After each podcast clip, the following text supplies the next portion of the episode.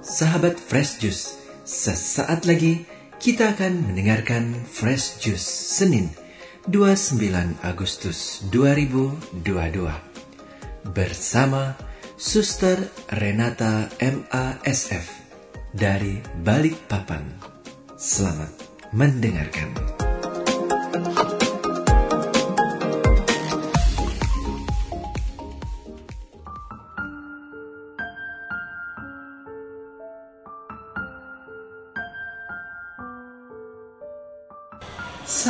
Juice yang terkasih, Shalom, selamat jumpa lagi. Hari ini kita bersama seluruh gereja merayakan peringatan wafatnya Yohanes Pembaptis. Mari kita siapkan hati mendengarkan bacaan Injil pada hari ini. Diambil dari Injil Markus bab 6 ayat 17 sampai 29. Sebab memang Herodeslah yang menyuruh orang menangkap Yohanes dan membelenggunya di penjara berhubung dengan peristiwa Herodias, istri Filipus saudaranya. Karena Herodes telah mengambilnya sebagai istri. Karena Yohanes pernah menegur Herodes, tidak halal engkau mengambil istri saudaramu karena itulah Herodias menaruh dendam pada Yohanes dan bermaksud untuk membunuh dia. Tetapi tidak dapat sebab Herodes segan akan Yohanes karena ia tahu bahwa Yohanes adalah orang yang benar dan suci. Jadi ia melindunginya.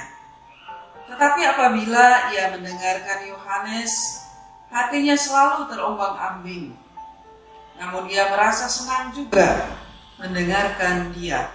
Akhirnya tiba juga kesempatan yang baik bagi Herodias. Ketika Herodes pada hari ulang tahunnya mengadakan perjamuan untuk pembesar-pembesarnya, perwira-perwiranya, dan orang-orang terkemuka di Galilea. Pada waktu itu anak perempuan Herodias tampil lalu menari dan ia menyukakan hati Herodes dan tamu-tamunya.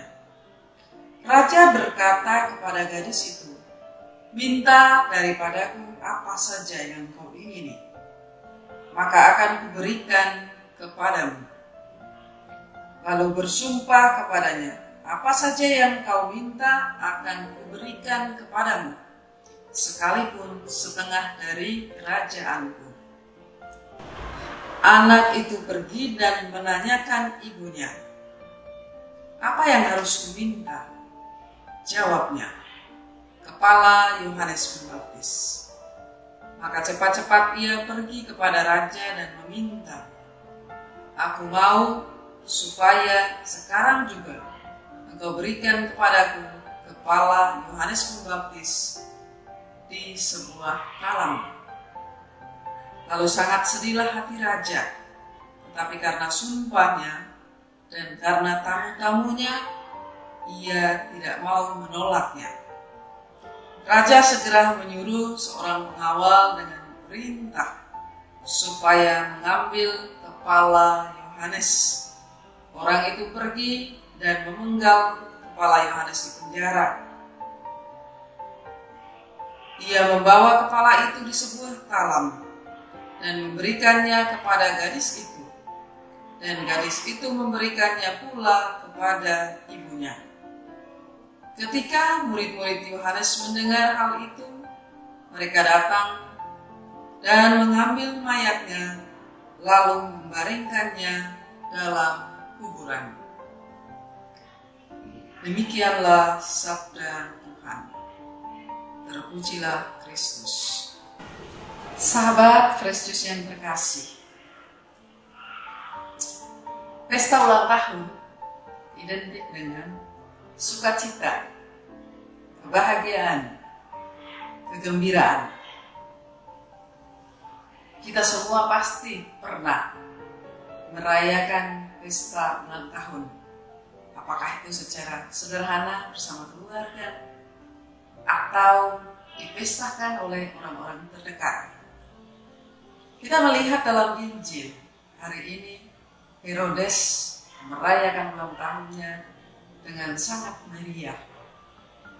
Tetapi kemeriahan dari pesta ulang tahun tersebut berakhir dengan sebuah duka. Hal ini terjadi karena dendam. Dendam dari Herodias kepada Yohanes Pembaptis.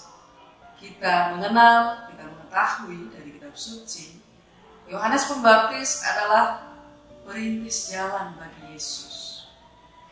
Tapi konsekuensi baginya adalah harus mati dengan kepala dipenggal.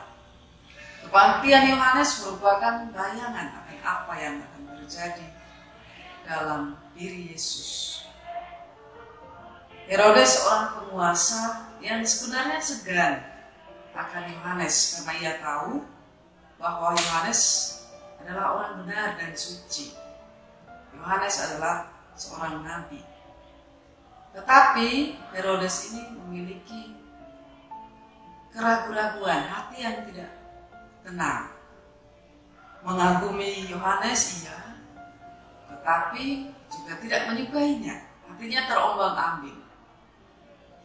Karena Yohanes pernah mengkritik Herodes. Kata Yohanes, tidak baik engkau mengambil istri saudaramu. Nah, ternyata pada pesta ulang tahun Herodes menjadi kesempatan yang baik bagi Herodias untuk membalaskan dendam. Akhirnya dendam yang selama ini terpuaskan, terbalaskan dengan mendapatkan kepala Yohanes Pembaptis. Saudara-saudari yang terkasih, kita melihat dalam menjadi perintis jalan bagi Tuhan, Yohanes tidak tanggung-tanggung menyerahkan nyawanya. Kita mengenal Yohanes seorang pribadi yang rendah hati. Bahkan ketika mempersiapkan jalan bagi Tuhan, Yohanes berkata, membuka tali kasutnya pun saya tidak layak. Dalam menjalankan tugas kenabiannya, Yohanes tidak mempromosikan dirinya, tapi sungguh-sungguh mempersiapkan jalan bagi Yesus, Sang Juru Selamat. Konsekuensi dari kenabian yang terakhir adalah keberaniannya mempertahankan kebenaran. Bagi Yohanes, kebenaran adalah nilai mutlak yang harus diperjuangkan, meskipun konsekuensinya adalah kepalanya sendiri. Bagi Yohanes, kebenaran lebih penting daripada hidupnya sendiri. Yohanes seorang yang mempunyai hati yang teguh, memiliki integritas diri yang tinggi, dan tidak toleransi dengan hal yang berkaitan dengan kebenaran. Sahabat Fresh Juice yang terkasih, saya dan kita semua dipanggil untuk menjadi saksi kebenaran sebagaimana yang dilakukan oleh Yohanes. Apakah yang kita sudah lakukan dalam hidup kita terkait dengan menyuarakan kebenaran? Apakah kita berusaha menjadi seperti Yohanes Pembaptis? Meskipun kita tahu konsekuensinya kita tidak disukai, mungkin kita dikeluarkan dari pekerjaan, kita dimusuhi oleh orang-orang dekat, tetapi kita tetap teguh untuk memperjuangkan kebenaran. Atau bukan urusan saya, saya tidak mau. Saya takut kehilangan teman, saya takut kehilangan pekerjaan, saya takut kehilangan jabatan. Akhirnya kita diam-diam mengamini apa yang salah. Kita takut untuk berani berkata jujur. Maka pada hari ini mari kita mohon rahmat Tuhan, mohon roh kudus menguatkan kita agar berani seperti Yohanes Pembaptis mengkritisi ketidak kebenaran yang terjadi di sekitar bahkan harus mengorbankan nyawa. Sahabat Juice yang terkasih,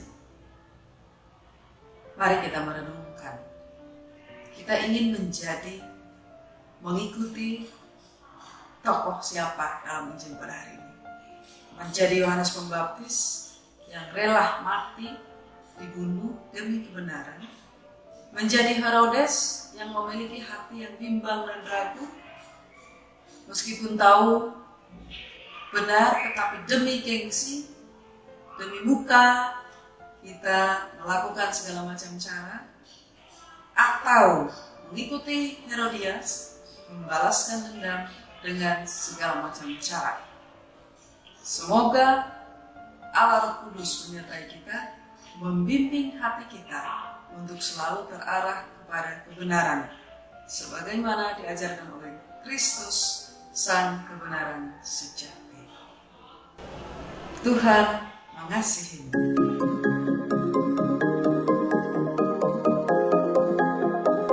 Sahabat Fresh Juice, kita baru saja mendengarkan Fresh Juice Senin 29 Agustus 2022. Saya Yofi Setiawan beserta segenap tim Fresh Juice mengucapkan terima kasih kepada Suster Renata untuk renungannya pada hari ini. Sampai berjumpa kembali dalam Fresh Juice edisi selanjutnya. Tetap semangat, jaga kesehatan, dan salam Fresh Juice. Bye.